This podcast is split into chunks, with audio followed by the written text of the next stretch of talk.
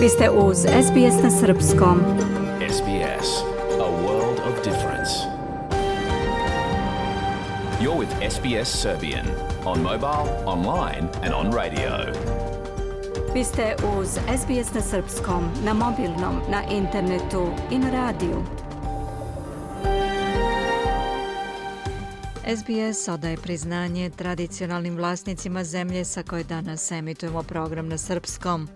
Ovim izražavamo poštovanje prema narodu Vurenđer i Vojvurung, pripadnicima nacije Kulin i njihovim prošlim i sadašnjim starešinama. Također odajemo priznanje tradicionalnim vlasnicima zemlje i za svih aboriđinskih naroda i naroda sa ostrva iz Toresovog Moreuza, sa čije zemlje slušate program. Dobar dan, danas je utorak 24. oktobar. 297. dan 2023. Do kraja godine ima 68 dana. Ja sam Biljana Ristić. U današnjem programu posle pregleda vesti opširnije sa sednice Saveta bezbednosti na koje se raspravljalo o šestomesečnom izveštaju UNMIKA o Kosovu i Metohiji. Rastina namirnica u Australiji poslednjih meseci doveo je u pitanje pristupačnost hrane. Više i o tome. Pacijentima u Srbiji kroz pozitivnu listu dostupno svega 8% inovativnih lekova registrovanih u Evropskoj uniji, što je rezultat lošiji od prošlogodišnjeg. Zašto je to tako? Reći će Mija Nikolić. U okviru zdravstvenih tema također govorimo o osteoporozi. Ostanite sa nama do 16 časova, sledi pregled vesti.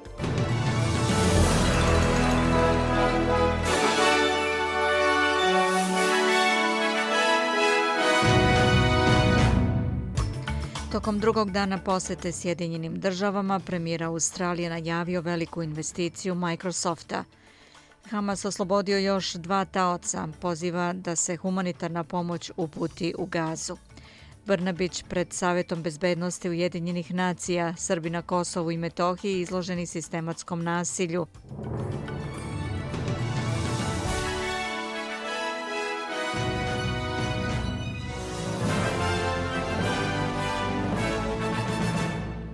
Premijer Anthony Albanizi učestvovao je u ceremoniji polaganja venaca na grob neznanog vojnika na nacionalnom groblju Arlingtonu u Sjedinjenim državama. On je također odao poštu dvojici australijanaca koji su sahranjeni na groblju u američkoj državi Virginije, posljednjem počivalištu više od 400.000 američkih vojnika i njihovih porodica kao i stranih državljana. Premijer boravi u četvorodnevnoj zvaničnoj posjeti Sjedinjenim državama i predsjedniku Bajdenu, što je deveti sastanak dvojice lidera od pobjede gospodina Albanizija na izborima 2022. U izjavi na X platformi gospodin Albanizi je izjavio da je prijateljstvo između Sjedinjenih država i Australije duboko, apropo generacija muškaraca i žena, koji se bore zajedno za mir. Bivši ambasador Australije u Sjedinjenim državama Artur Sinadinos izrazio optimizam u vezi sa odobravanjem sporazuma AUKUS u Američkom kongresu, Sporazum o izgradnji podmornica sa Sjedinjenim državama i Velikom Britanijom blokiran je pošto su republikanci u Senatu Sjedinjenih država poput Rodgera Vikera zatražili više sredstava za proizvodnju domaćih vozila.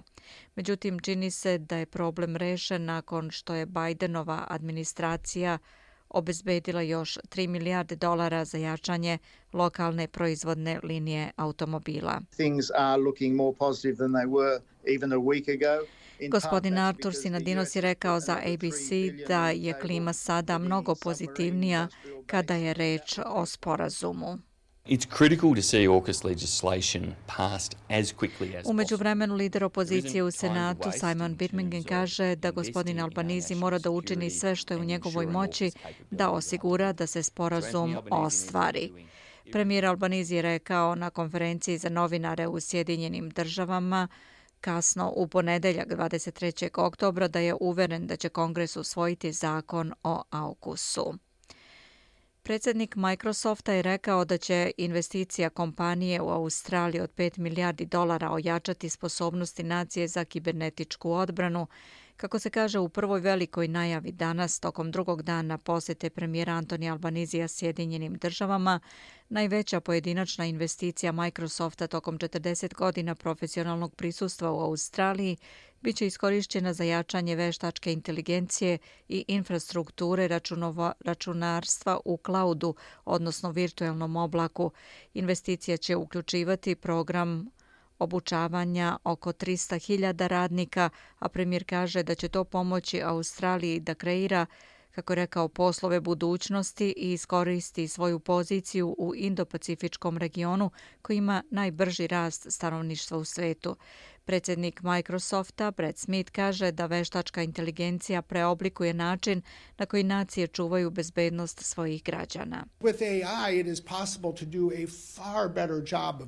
Sa veštačkom inteligencijom je moguće uraditi daleko bolji posao otkrivanja kibernetičkih pretnji i daleko brži posao analize onoga šta se dešava, a sa tim podacima i tom analizom mogu se preduzeti novi koraci da se nacija učini bezbednom, rekao je on. Više od 500.000 domaćinstava i preduzeća u Queenslandu uskoro će imati pristup bržem internetu. Nadogradnja infrastrukture nacionalne širokopojasne mreže NBN uskoro će biti završena nakon što je federalna vlada uložila 2,4 milijarde dolara u oktobru prošle godine za proširenje NBN pristupne mreže na više od 1,5 milion objekata. Oko 660.000 tih objekata nalazi se u ruralnim i regionalnim zajednicama širom Australije sa oko 68% domaćinstava i malih preduzeća u Queenslandu koji ispunjavaju uslove za uvođenje brze internet mreže. Vi slušate SBS pregled vesti na srpskom. Tačno je 15 časova 7 minuta. Palestinska ekstremistička grupa Hamas oslobodila je još dve žene koje je zarobila kao taoce u napadima 7. oktobra, potvrdili su predstavnici Crvenog krsta. Izraelski mediji su objavili da se radi o Nurit Cooper i Joševet Livšic, a ovo je usledilo nakon nepotvrđenih izveštaja o mogućem oslobađanju još 50 talaca sa dvojnim državljanstvom. Zemlje Evropske unije i dalje razmatraju ideju o prekidu vatre u ratu između Izraela i Hamasa, ali i dalje postoje različiti načini da se dostavi neophodna pomoć palestincima u Gazi, izjavio je švedski ministar spoljnih poslova Tobias Bilstrom. Ovo je usledilo nakon što su lideri Sjedinjenih država, Ujedinjenog kraljevstva, Francuske, Kanade, Nemačke i Italije izdali saopštenje u kojem se poziva Izrael da se pridržava međunarodnog prava i zaštiti civile, dok su također ponovili pravo Izraela da se brani od terorizma. Ujedinjene nacije saopštile su da civilima ponestaj hrane, vode i skloništa od nemilosrdnih udara iz vazduha u kojima su neki delovi gaze pod upravom Hamasa sravnjeni sa zemljom. Deo pomoći prebačen je preko jednog prelaza u Gazi, ali prema podacima sa terena to je samo delić onoga što je potrebno. Do ponedeljka je ušlo još 20 kamiona, ali budući da nestaje goriva, to može ugroziti celu humanitarnu operaciju. Savet bezbednosti Ujedinjenih nacija održat će danas sednicu povodom rata između Izraela i palestinske militantne grupe Hamas. Očekuje se da će generalni sekretar Ujedinjenih nacija Antonio Guterres izvestiti članice o situaciji na terenu, a sednici će moći da prisustvuju i zemlje koje nisu članice Saveta bezbednosti, prenosi New York Times. Međunarodni sud pravde u Hagu saopštio je juče da je odlučio da održi javnu raspravu o zahtevu za savjetodavno mišljenje u vezi sa pravnim posljedicama koje proizilaze iz politike i prakse Izraela na okupiranoj palestinskoj teritoriji, uključujući istočni Jerusalim, kako se kaže. Rasprava će biti otvorena 19. februara sljedeće godine u Palati Mira u Hagu, navodi se u saopštenju suda. Predstavnice Srbije i Kosova Ana Brnabić i Vjosa Osmani iznele su teške i oprečne navode o nedavnim događajima u Banjskoj i bezbednostnoj situaciji na Kosovu na sednici Saveta bezbednosti Ujedinjenih nacija. U tom telu raspravljalo se o redovnom šestomesečnom izveštaju UNMIKA o stanju na Kosovu u periodu od 19. marta do 18. septembra ove godine. Šefica misije Ujedinjenih nacija na Kosovu Karolin Zijade u svom izlaganju se fokusirala na nedavno nasilje u Banjskoj u kojem su poginuli jedan kosovski policajac i troje lokalnih Srba. Stalni predstavnik Sjedinjenih država pri Ujedinjenim nacijama Robert Wood pozvao je Srbiju i Kosovo da se što pre vrate dijalogu pod okriljem Evropske unije, učine neophodne korake i primene već postignute dogovore. Opširnije o tome i kasnije u programu. Srbija i Turska najveće su razočarenje od država koje ne primenjuju sankcije prema Rusiji, poručio je David O'Sullivan, specijalni izvestilac za primjenu sankcija Evropske unije. Obviously for the European Union, we have two countries in that list you mentioned that we are very disappointed about, which is Serbia and Turkey, because they are candidate countries. They would normally be aligning with our common foreign and security policy. Taj stav diplomata Evropske unije obrazložio je činjenicom da je reč o zemljama kandidatima za članstvo u Uniji, koje bi sa tom organizacijom trebalo da imaju zajedničku spoljnu i bezbednostnu politiku. Razumemo razloge zbog kojih nisu uvele sankcije Rusiji i istovremeno nam je žao zbog toga, rekao je O'Sullivan u Vašingtonu tokom debate nevladinog Atlantskog saveta o učinku restriktivnih mera uvedenih Rusiji zbog rata u Ukrajini pokrenutog u februaru 2022.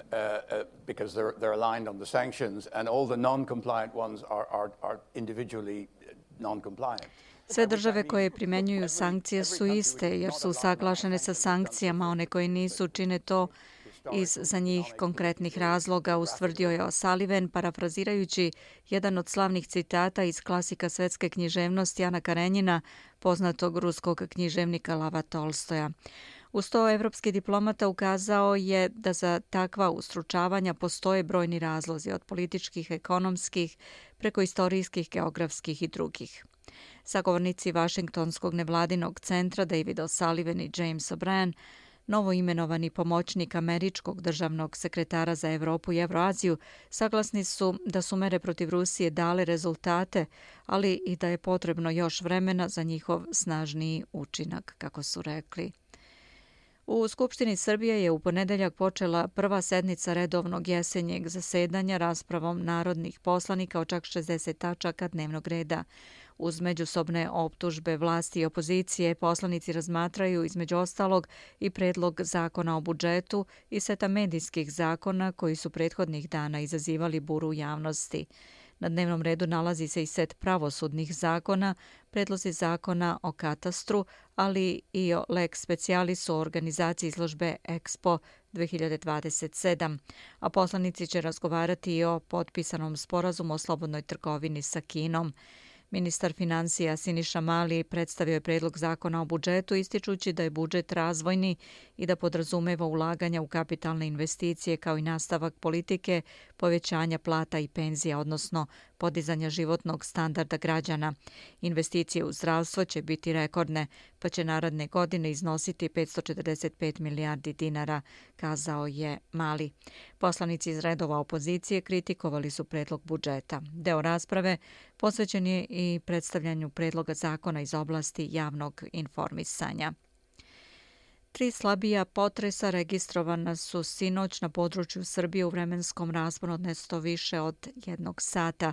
Prema informacijama sa Izmološkog zavoda Srbije, dva potresa su registrovana na području Kruševca, prvi 2,4, drugi 2,2 stepena. Na području Novog pazara zabeležen je potres jačine 1,8 stepeni po Richteru. Nema detalja o šteti. U Australiji stanovnici ruralnih područja na jugu Queenslanda pozvani su da se evakuišu, pošto bi im životi mogli biti ugroženi zbog požara koji se brzo šire. Vatrogasne i službe za delovanje u vanrednim situacijama u Queenslandu su danas ponovo izdale upozorenje za hitnu evakuaciju stanovnika iz mesta Tara i Kogan, dok se više od 40 vatrogasnih ekipa bori u obuzdavanju požara zapadno od Brisbena. Požar i dalje bukte širom Novog Južnog Velsa, a policija je saopštila da nekoliko požara duž srednje obale tretira kao sumnjive. Policija je zatražila od javnosti informacije o požaru od 17. oktobra oko 15 km istočno od mesta Kemsi, koji je stavljen pod kontrolu nakon što je uništeno skoro 3000 hektara u nacionalnom parku Head Head. Detektivi također istražuju da li taj požar ima veze sa još dva manja koja su zabeležena istog dana u mestu Crescent Head, a želeli bi da razgovaraju sa vozačem belih kola marke Nissan Youth koja su viđena u tom području. Da pogledamo i kolika je vrednost australijskog dolara. Prema američkom on danas vredi 63 centa. 59 eurocenti, 52 britanska penija i 69 srpskih dinara, 66 para. Ukratko iz sporta Branko Cvetojević. Futbalski reprezentativac Srbije Aleksandar Mitrović postigao je tri gola u utakmici Azijske lige šampiona između Al Hilala i Mumbai Citya. Tim iz Saudijske Arabije slavio sa ubedljivih 6-0, a srpski centarfor je jedan od tri pogotka postigao na izuzetno atraktivan način makazicama u 80. minutu. U strelce se na istom meču upisao i Sergej Milinković-Savić. U okviru treće kola Azijske lige šampiona sutra će svoj meč odigrati i Melbourne City. Predstavnik Australije gostuje na Tajlandu ekipi Buriram United. Utakmica počinje u 21 čas po standardnom vremenu istočne obale. A košarkaši Beogradskog mega basketa priredili su iznenađenje u četvrtom kolu regionalne ABA lige pošto su na domaćem terenu savladali Partizan 88-86. Istovremeno Crvena zvezda je kao gost pobedila FMP u Železniku rezultatom 83-72 i tako preuzela vodeću poziciju na tabeli Jadranske lige. Na ovom meču na klupi Crveno-Belih je debitovao grčki trener Janis Sferopulos koji je proteklog vikenda zamenio Duška Ivanovića. Pored zvezde 100% učinak posle četiri kola ima još samo Podgorička budućnost, dok ekipe Partizana, Studenskog centra i Gokeje imaju učinak od po tri pobede i jednog poraza. I na kraju ovog bloka da pogledamo i vremensku prognozu do kraja dana. U Pertu je sunčano sa 27 stepeni. Adelaida mestimično oblačno i vetrovito 17. Melbourne sa sunčanim periodima vetrovito 23. Hobart vetrovito tokom popodneva i noći 21 trenutno. U Kamberi je sunčano 26, sunčano je i u Sidneju 28, u Prizbenu 27. U Darwinu je mestimično oblačno sa 32. Beograd danas tokom dana pretežno oblačno vreme do 25 stepeni. Slušali ste pregled vesti na srpskom jeziku. Za sve najnovije posetite sbs.com.au kosacrta news.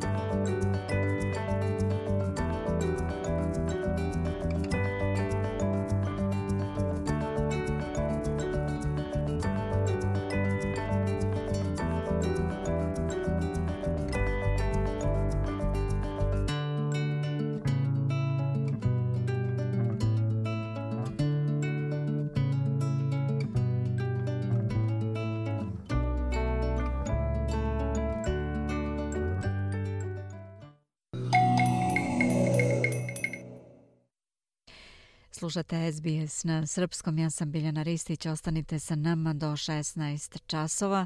Nastavljamo aktuelnim temama. U sedištu Ujedinjenih nacija u Njujorku održana je sednica Saveta bezbednosti na kojoj se raspravljalo o šestomesečnom izveštaju UNMIKA o Kosovu i Metohiji u periodu od 19. marta do 18. septembra ove godine. Predstavnici zemalja članica Saveta bezbednosti Ujedinjenih nacija tokom sednice su pozvali Beograd i Prištinu da se vrate dijalogu pod okriljem Evropske unije.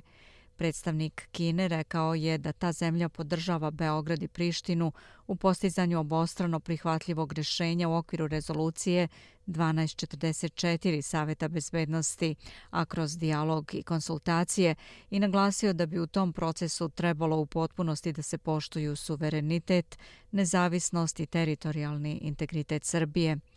Ukazao je da je pozicija Kine o stavu prema Kosovu i Metohiji konsistentna i jasna i istakao da je uspostavljanje zajednice srpskih opština važna komponenta briselskog sporazuma. Američki predstavnik ponovio je posvećenost Sjedinjenih država održavanju stabilnosti na Zapadnom Balkanu i poručio da Sjedinjene države snažno osuđuju nasilje koje su, kako je naveo, izveli naoružani napadači 24. septembra na severu Kosova i Metohije. Ocenio je da je napad 24. septembra otkrio direktnu pretnju po bezbednost kosovskih građana i ugrozio osoblje NATO i Evropske unije i zatražio punu odgovornost izvršilaca u skladu sa vladavinom prava. Predstavnik Sjedinjenih država je rekao da pojedinci treba da budu izručeni ili krivično gonjeni. Stalni predstavnik Rusije pri Ujedinjenim nacijama Vasilij Nebeznja poručio je da je situacija na terenu pogoršana. Razlog je, kao i uvek, pokušaj prištinskih vlasti da uspostave punu kontrolu nad Srbima na severu. Prema rečima Nebenzija, incident na severu u Banjskoj je preterano, ne čekajući rezultate istrage, nazvan užasnim terorističkim napadom. Rad UNMIKA je i dalje potreban, smatra Nebenzija. Šefica misije Ujedinjenih nacija na Kosovu, Karolin Zijade, u svom izlaganju se fokusirala na nedavno nasilje u Banjskoj, u kojem su poginuli jedan kosovski policajac i troj lokalnih Srba. Od suštinske važnosti da istraga koja je u toku utvrdi činjenice i ko je odgovoran događaj od 24. septembra dodatno su pogoršali već lošu bezbednostnu situaciju, U nedeljama pred 24. septembra političke i bezbednostne tenzije su stalno rasle i uočen je nedostatak napretka u dijalogu pod okriljem Evropske unije, rekla je Zijade. Šefica Unmika je istakla da su lideri sa obe strane razmenjivali zapaljive optužbe u javnosti i da se od političkih aktera očekuje da se konstruktivno angažuju u dijalogu.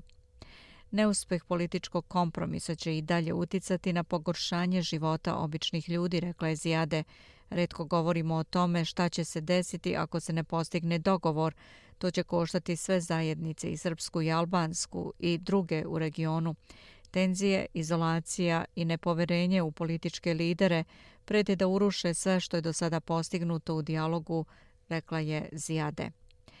Predstavnice Srbije i Kosova na Brnabić i Vjosa Osmani iznale su teške i opričane navode o nedavnim događajima u Banjskoj i bezbednostnoj situaciji na Kosovu. Predsjednica Kosova Vjosa Osmani opštino je govorila o događajima u Banjskoj rekavši da je tog dana Kosovo bilo meta agresije od strane Srbije kroz terorističke i militantne grupe i da nije reč o odgovoru Srba na teror iz Prištine, kako to tvrde srpske vlasti. Optužila je Beograd da metodama Putina i Miloševića želi da se stabilizuje situaciju na Kosovu kao i da stoji iza grupa koje su učestvovali u nasilju u Banjskoj. Predsjednica Kosova optužila je Srbiju i da je snabdevala grupu na severu oružjem, kao i da su neki komadi proizvedeni u vojnoj industriji Srbije. Dodala je da je konfiskovano oko 400 komada vojnog oružja. Ona je zaključila da je Kosovo žrtva agresije Srbije kao i da Beograd teroriše Srbe na severu Kosova. Mi želimo mirne razgovore, a oni su se opredelili za silu. Srbija želi rata, mi to nećemo dozvoliti jer demokratija i mir uvek prevladaju, zaključila je Osmani. Premijerka Srbije je za razliku od šefice UNMIKA i kosovske predsjednice veoma mali deo svog dugog govora posvetila događajima u Banjskoj. Ona je istakla da srpske snage nemaju nikakve veze sa ovim događajem i da je nasilje posljedica vladavine straha i terora od strane Prištine nad Srbima. Istraga će rasvetliti događaje, uključujući i to kako su dvoje od trojice poginulih Srba izgubili živote, što izgleda kao hladnokrvna egzekucija, pošto su se predali, rekla je Brnabić. Premijerka Srbije je svoje izlaganje fokusirala na tri poruke koje kosovske vlasti upućuju lokalnim Srbima. Prva poruka je, kaže Brnabić, da Srbi povratnici nisu dobro došli. Kosovo ostaje teritorija sa najmanjim brojem povratnika u poređenju sa ostalim posleratnim područjima i to nije slučajno. Ako se vrate, Srbi vide da im je imovina ilegalno oduzeta.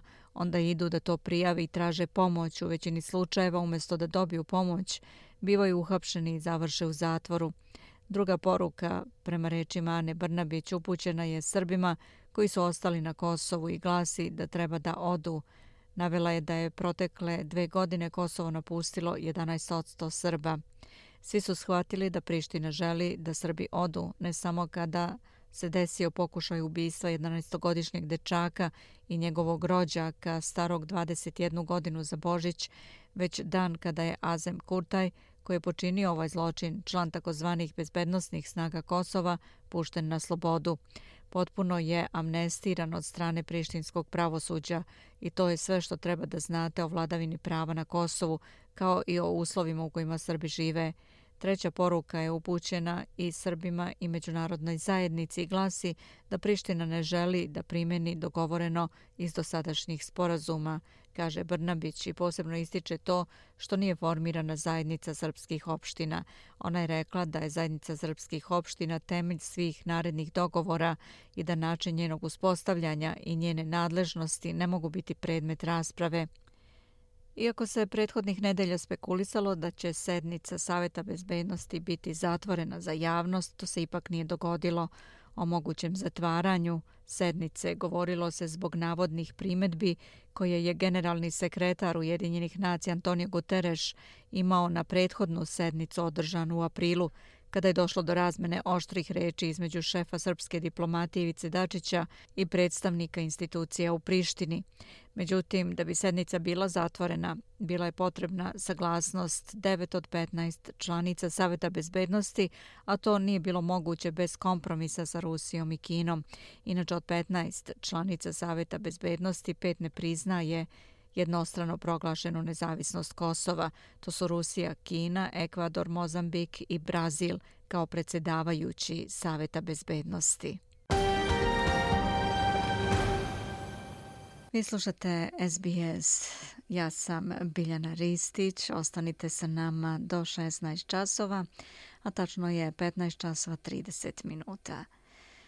Rast cena namirnica u Australiji poslednjih meseci doveo je u pitanje pristupačnost hrane za mnoge. Skoro polovina stanovništva Australije je zabrinuta da bi usled učestalnih poskupljenja mogla da se suoči sa glađu, pokazuje novo istraživanje organizacije Food Bank – Ovogodišnji izveštaj te organizacije o gladi pokazuje i da je 3,7 miliona domaćinstava tokom posljednjih 12 meseci već iskusilo nedostatak hrane i brigu da li će imati stalni pristup odgovarajućim namirnicama. Opširnije o ovoj temi u sljedećem prilogu. Sve veći pritisak koji troškovi života stavljaju na pleća mnogih porodica u Australiji ogledaju se na različite načine – ali ponajviše po pitanju hrane. Ovogodišnji izveštaj o gladi organizacije Food Bank Australija otkriva da je skupoća namirnica glavni uzrok nesigurnosti među ljudima i da je skoro polovina stanovništva zabrinuta da li će na porodičnoj trpezi imati sve ono što im je potrebno da se prehrane. Izveštaj pokazuje da je čak 48% opšte populacije zabrinuto da li će imati stalni pristup adekvatnoj hrani. Inače, prehrambena nesigurnost je pojam koji se koristi kada ljudi nemaju redovan pristup ishrani koja je dovoljno bezbedna i hranljiva za normalan rast i razvoj i za aktivan i zdrav život. 47-godišnja Karen kaže da dobro zna kako to izgleda. Ona je samohrana majka koja od invalidske penzije prehranjuje sebe i kćerku. Karen kaže da njih dve moraju da se mnogo žrtvuju kako bi preživele i da nije u stanju da svom detetu priušti vanškolske sportske aktivnosti kao što je recimo plivanje. Kako je istakla, na svake dve sedmice mora da postavi prioritete kako bi platila sve račune. U suštini imamo za hleb, mleko i hranu koju volimo za ručak i večeru, ali redko kada i za grickalice i slatkiše. Takođe, ako imamo sreće, izađemo na neku brzu hranu jednom u dve nedelje, ali tek nakon što platimo sve ostalo, mada nekada ima i računa koje odložimo za naredne dve nedelje. Iz organizacije Banka hrane Food Bank Australija kažu da je 3,7 miliona domaćinstava iskusilo prehrambenu nesigurnost u posljednjih 12 meseci, što je povećanje od 3% u odnosu na prošlu godinu. Izvršna direktorka ove organizacije, Brianna Casey, kaže da je kriza troškova života sada toliko ozbiljna da čak i samo zaposlenje više ne predstavlja garanciju da nećete ostati gladni. U banci hrane viđamo i mlađe ljude koji su zaposleni, kaže Casey, i dodaje da ni posao više nije zaštita od prehrambene nesigurnosti. To pred Food Bank stavlja neke zaista velike izazove u pogledu zadovoljavanja potražnje za hranom. Takođe postavlja potrebu da se promeni način na koji se dolazi do ugroženih članova zajednice, s obzirom na to da se sve više susreću i sa povećanim brojem mladih profesionalaca. Govoreći o trenutnoj situaciji, Karen kao samohrana majka smatra da samo bogataši ili, kako ona kaže, jedan procenat populacije ne osjeća pritisak viših scena. Može se čuti i na vestima da čak i ljudi sa šestocifrenim godišnjim primanjima ne mogu da priušte hranu koja im je potrebna jer otplaćuju visoke hipoteke, a ako imaju i decu onda je sve još teže. Karen kaže da situacija postaje kao beskrajni ciklus siromaštva koje je slično za sve osim za jedan procenat bogatih. Izveštaj o gladi organizacije Food Bank otkriva i da 56% stanovništva u Australiji prijavljuje krizu troškova života kao svoju daleko najvažniju brigu. Međutim, za one porodice i pojedince koji se suočavaju sa prehrambenom nesigurnošću, troškovi namirnica i smeštaja predstavljaju daleko najveći problem – Čak 79% tih domaćinstava navelo je povećanje troškova života kao ključni razlog njihovih poteškoća, a to je značajno više od 64% u 2022. godini.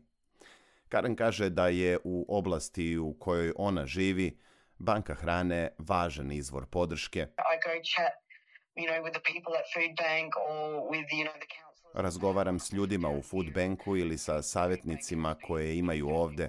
Banka hrane je od neprocenjive vrednosti za nas jer ne znam kako bismo se nosili sa ovom situacijom da nismo imali njih i zalihe koje imaju na raspolaganju, istakla je Karen. Autori ovog izveštaja su Greg Diet i Gavin Butler iz informativne redakcije SBS-a. Ja sam Branko Cvetojević. Vi ste uz SBS na Srpskom. Slušate SBS na srpskom, ja sam Biljana Ristić. Vlada Srbije usvojila je predlog zakona o budžetu za 2024. i on se ranije nego što je uobičajeno već našao u Narodnoj skupštini.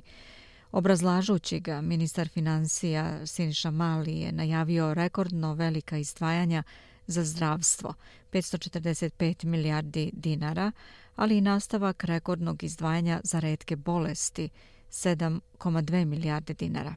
To je bio povod da se ovih dana oglase pripadnici struke i iznesu svoje ocene i precizne podatke o stanju u oblasti zdravstva, gde je zaposleno oko 105.000 ljudi, od čega oko 23.000 sa visokom stručnom spremom, 20.000 lekara, 1.500 stomatologa i 400 magistara farmacije. Na liniji imamo Miju Nikolić. Mija, dobar dan. Recite nam kako se u trenutku kad se sprema budžet za 2024. u stručnim krugovima komentariše najava ministra financija Siniše Malog o ne samo većim, već o rekordnom izdvajanju za ovu zdravstvenu stavku naredne godine, mislim za redke bolesti i inovativne lekove. Stručnjaci se slažu da su poslednje posljednje godine u Srbiji nesporno učinjeni značajni pomaci u poboljšanju infrastrukture, kupovini savremene opreme i tehnologije, uvođenju integrisanog zdravstvenog informacijonog sistema i lečenju redkih bolesti. Oni međutim ukazuju da su promene koje nalažu definisanje prioriteta i obrazloženu hronologiju promena, strožu e, transparentnu kontrolu trošenja sredstava, bolju organizaciju i rukovođenje utemeljeno u autoritetu znanja i morala, nekako ostale po strani. Kao rezultat toga, od početka 90-ih održavaju se, kako piše politika, pa i umnožavaju brojni problemi srpskog zdravstva. Nedovoljno dobri rezultati u oblasti promocije zdravstva i sprečavanja bolesti, neujednačeni ishodi lečenja, višemesečno pa i višegodišnje čekanje na diagnostičke procedure i lečenje, nepovezanost pružaoca, usluga, korupcija, ali i drugi e, dubinski problemi koji nisu vidljivi za širu zajednicu. Ovaj dnevni list posveća da je životni vek u proseku za skoro 8 godina u Srbiji kraći nego u visoko razvijenim zemljama Evrope. Ukupna smrtnost u Srbiji iznosi 14,6 na hiljadu stanovnika, a evropski prosek je 10,8. Po učestalosti oboljevanja od karcinoma, Srbija je e, na 13. mestu u Evropi, ali je po smrtnosti od malignih bolesti na samom vrhu u Evropi, a druga u svetu posle Mongolije. Godišnje u našoj zemlji od karcinoma oboli 40.000 ljudi, a gotovo 30.000 izgubi bitku sa ovom opakom bolešću. Mija, koji su uzroci velike smrtnosti od malignih bolesti? Da li se zna? Uzroci visoke smrtnosti od malignih bolesti prema pisanju beogradske politike su zakasnele dijagnoze kod preko 50% bolesnika, što zbog odsustva preventivnih pregleda, što zbog nedovoljnog zdravstvenog prosvećivanja stanovništva, zatim mali broj onkologa, jedan onkolog na 131.000 stanovnika, ali i nedovoljna dostupnost inovativnih, izuzetno skupih, no efikasnih lekova. Koliko su značajni inovativni lekovi u humanoj medicini i koliko je takvih lekova uvela Srbija u upotrebu? Profesor dr. Dragan Delić navodi da generalno gledano inovativni lekovi u humanoj medicini dovode do češćeg izlečenja ili zalečenja ređih neželjenih efekata produženja života i značajnog poboljšanja kvaliteta života. Ističe da je od 2018. do 2021. Nemačka u kliničku praksu uvela 147 inovativnih lekova, Slovenija 72, Bugarska 56, Hrvatska 46, a Srbija samo 14 lekova. To je svega 8% od ukupnog broja inovativnih lekova koje je odobrila Evropska unija, a kojih je 168. Iznosi podatke da prosečno vreme koje protekne od registracije inovativnog leka do ulaska na takozvanu pozitivnu listu, to jest lečenje o trošku Republičkog fonda za zdravstveno osiguranje, u Srbiji iznosi 811 dana, u Hrvatskoj 499, a u Nemačkoj samo 128 dana. A Mija, koliko je inovativnih lekova na listi čekanja? Dr. Delić naglašava da je u ovom trenutku više od 80 inovativnih lekova na listi čekanja, a da tokom ove godine ni jedan inovativni lek nije stavljen na pozitivnu listu. Zato navodi ona ne treba da nas čudi podatak da Srbija godišnje po glavi stanovnika potroši za lekove 112 evra, Bosna i Hercegovina 160, Bugarska 180, Hrvatska 223, a Slovenija čak 484 evra. U brojnim evropskim zemljama dokazana je direktna uzročno-posledična veza između dostupnosti inovativnih lekova i rizika od umiranja. U Sloveniji se beleži značajan porast petogodišnjeg preživljavanja onkoloških bolesnika sa 74 na 85 odsto, smanjenje bolničkih troškova onkoloških pacijenata za 7 procenata, čime je pokriveno 85% ulaganja u inovativne lekove. U zemljama OECD-a investiranje u nove lekove za kardiovaskularne bolesti u periodu od 1995. do 2003.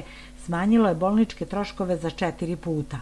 Dr. Delić je, referišući se na najavljeno povećanje ulaganja u zdravstvo za narednu godinu sa 519,9 na 544,9 milijardi dinara, podsjetio da su javni rashodi zdravstva Srbije 2019. godine po glavi stanovnika bili samo 353 evra, to je sedam puta manje od proseka svih zemalja članica Evropske unije, gde je taj iznos 2565 evra. Bojan Trkulja iz Udruženja proizvođača inovativnih lekova i novija kaže da istraživanje koje se radi svake godine na nivou cele Evrope, a u kome i naša zemlja učestvuje u poslednje decenije, pokazuje da je prema broju inovativnih lekova koji su u Srbiji ove 2023. nalaze na pozitivnoj listi naš rezultat lošiji nego prošle godine. Savo Pilipović, predsjednik udruženja pacijenata obolelih od melanoma, navodi da su ove 23. godine bila najavljena uh, ulaganja više desetina miliona evra u inovativne lekove za koje se e, tvrdilo da će se na listi RFZO-a naći početkom e, 24. ali da je negde došlo do kuršlusa, da je neko zaustavio sredstva ili ih preusmerio, kaže da su tražili prijem kod svih državnih predvodnika, ali da im niko nije odgovorio ni iz vrha vlasti, ni iz Ministarstva zdravlja. Biljana? I toliko za danas. Hvala. Bilo je to naša saradnica iz Srbije, Mija Nikolić. Slušate program na srpskom. Slušajte SBS na srpskom, na mobilnom, na internetu i na radiju. 15 časova, 45 minuta tačno na našem časovniku. Ja sam Biljana Ristić. U prilogu posvećenom zdravstvu danas govorimo o osteoporozi. Ova bolest kostiju često se pojavi sasvim neopaženo i nanosi značajnu zdravstvenu štetu ljudima koji često i ne znaju da pate od tog oboljenja. Zato zdravstveni stručnjaci u Australiji sve više upozoravaju na faktore rizika i u javnosti podižu svest o zdravlju kostiju, piše Omoh Belo za SBS News. Taj prilog pripremio Branko Cvetojević. Da čujemo. Stanje naših kostiju može značajno da se pogorša, da toga uopšte nismo ni svesni. To se pre svega odnosi na osteoporozu, bezbolnu bolest koja dovodi do smanjene čvrstoće kostiju, a samim tim i do povećanog rizika od preloma. Dr. Waven Chen, specijalista endokrinolog iz bolnice St. Vincent u Sidneju, kaže da ovo stanje može da bude i prilično ozbiljno. Osteoporoza se u osnovi sastoji od dva dela. Kosti postaju manje i, što je još važnije, kvalitet i struktura kostiju nisu tako jaki i rezultiraju povećanim faktorima rizika, Znam da mnogi mogu da pomisle kako prelomi nisu toliko važni, ali ako samo pomislite na rizike od lošeg zdravlja kostiju, shvatit ćete koliko ozbiljno može da poremeti vaš život i pokretljivost, kaže dr. Chen. Osteoporoza je česta pojava među starijim ljudima, a podaci pokazuju da 66% australijanaca starijih od 50 godina ima loše zdravlje kostiju. Međutim, nisu samo stariji ljudi ugroženi pošto osteoporoza pogađa i mlađe. Kimberly je 43-godišnja majka dvoje dece koja je osteoporozu dobila u trudnoći. My journey started when I was Um, Kimberly kaže da je sve počelo kada je imala 31 godinu odmah posle rođenja drugog deteta. U roku od nekoliko nedelja počela je da osjeća jake bolove u leđima i u početku je mislila da je to posljedica porođaja, ali kako je vreme prolazilo, bol je postao toliko jak da nije mogla da funkcioniše, pa je na kraju otišla kod lekara opšte prakse. Međutim, Kimberly je zatim morala da ode i na pregled kod nekoliko specijalista da bi dobila pravu dijagnozu. On, Kako je vreme odmicalo, bol je postajao sve jači, kaže ona. Lekar opšte prakse sugerisao da je to bol u mišićima zbog porođaja kao i zbog toga što je u isto vreme brinula o dva mala deteta. Kimberly kaže da je osjećala da to baš i nije tako, ali je u to vreme bila veoma iscrpljena pa je jednostavno prihvatila to što je lekar rekao. Međutim, dve nedelje kasnije stanje se nije popravljalo i odlučila je da potraži mišljenje drugog doktora, ali rezultat je bio ponovo isti. Usledilo je još nekoliko nedelja jakih bolova, posle čega je Kimberly završila u hitnoj pomoći. Jedan od lekara tamo je uočio da Kimberly ima veliko zakrivljenje kičme i poslali su je da uradi rengenski snimak.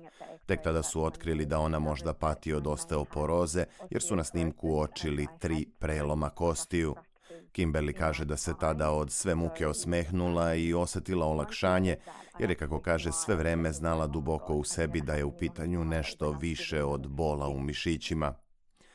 Organizacija Zdrave kosti, Healthy Bones Australia, fokusira se na smanjenje broja preloma i poboljšanje zdravlja kostiju. Ova organizacija objavila je izveštaj o riziku po zajednicu pod naslovom Poznajte svoje kosti, Know Your Bones. Na taj način stručnjaci su želeli da podignu svest ljudi i da ih podstaknu da kontrolišu stanje svojih kostiju. Izveštaj uključuje podatke prikupljene od preko 100.000 ljudi širom Australije koji su uradili online preventivni test za samoprocenu kako bi pomogli osobama s potencijalnim rizikom od razvoja osteoporoze. Predsjednik organizacije Healthy Bones Australia, profesor Peter Ebling, kaže da je izveštaj u značajnoj meri otkrio nedovoljno istraživanje simptoma i neadekvatan tretman osoba pod rizikom. What we did was to survey the Profesor Ebling kaže da su putem sajta Know Your Bones ispitali 104.000 ljudi i da su otkrili da više od 50% tih pacijenata nije radilo test gustine kostiju nakon što su imali prelom. Također, oko 80% nije bilo na lečenju osteoporoze nakon što su imali prelom kosti uzrokovan upravo tim stanjem. Tako je otkriveno da postoje praznine u lečenju i da ljudi mora da se podstaknu da razmišljaju o zdravlju svojih kostiju, a posebno posle bilo kakve vrste preloma. Izveštaj iz 2023. pokazuje da 52% ispitanika starosti od 50 do 69 godina koji su imali prelom neke kosti nije uradilo test mineralne gustine kostiju. Takođe, skoro 25% starijih od 70 koji su imali povećane faktore rizika od osteoporoze nisu se podvrgli ovom pregledu. Podaci otkrivaju i da se većina svih preloma javlja kod starijih od 50 godina, ali 25% fraktura zabeleženo je kod ljudi u mlađem dobu. U tu grupu spada i Kimberly koja je prelome na kičmi dobila tokom trudnoće. Ona kaže da je zdravlje kostiju važno za ljude svih uzrasta i da sve prelome treba shvatiti ozbiljno. Osteoporoza i zdravlje kosti uglavnom se povezuju sa starijima, ali moj slučaj pokazuje da morate da pazite na svoje kosti i kada ste mlađi. Zato je podizanje svesti o zdravlju kostiju veoma važno, iako se neće desiti svim mladim ljudima da pate kao ja, kaže Kimberly dodajući da je i pored toga za nju veoma značajno da svoju priču podeli s drugima i objasni im kroz šta je sve prošla. U izveštaju Know Your Bones također se skreće pažnja da je potrebno voditi računa o načinu života koji podržava zdravlje kostiju. To se pre svega odnosi na unošenje odgovarajućih količina kalcijuma i vitamina D, zatim na dovoljno vežbanja, kao i na smanjenu upotrebu alkohola i duvana. Dvostruka svetska i olimpijska šampionka u trčanju preko prepona Sally Pearson imala je dva velika preloma u svom životu, što ju je motivisalo da se pridruži kampanji za podizanje svesti o zdravlju kostiju. When I was 14 and had a broken foot and the recovery process Pearson kaže da je sa 14 godina slomila stopalo i da proces oporavka može da ima više psihičke nego fizičke posljedice kroz fazu rehabilitacije. Njen drugi prelom koji je imala 2015. kada je pala na trci u Rimu, doveo je bukvalno do eksplozije kosti uz globu šake i do njegovog iščašenja. Bio je to težak period kroz koji je prošla da bi se vratila sportu, a sva razmišljanja da li će u tome uopšte ikada i uspeti, uticala su na to da sada želi da ukaže ljudima kako sam prelom nije uvek najveći problem, već da to može da bude mentalni oporavak nakon rehabilitacije. Branko Cvetojević pripremio je prilog koji smo čuli. I time završavamo današnji program. Slušali ste SBS na srpskom jeziku. Sljedeća emisija je u četvrtak u 15 časova. Pridružite nam se. Možete nam se pridružiti uživo ili po pozivu na web stranici sbs.com.au kosacrta srbijen. Također nikada nismo daleko od vas. Ukoliko imate telefon, a svako ima telefon, znači downloadirajte SBS audio app i tu možete da nas slušate uživo ili po pozivu, također naše podcaste. Na Facebooku naš profil je SBS Serbian. Sa vama je danas bila Biljana Ristić. Ja vam želim prijatan ostatak ovog utorka 24. oktobra 2023. godine. Doviđenja i do slušanja u četvrtak u 15 časova. Želite da čujete još priča poput ove? Slušajte nas na Apple Podcast, Google Podcast, Spotify ili odakle god slušate podcast.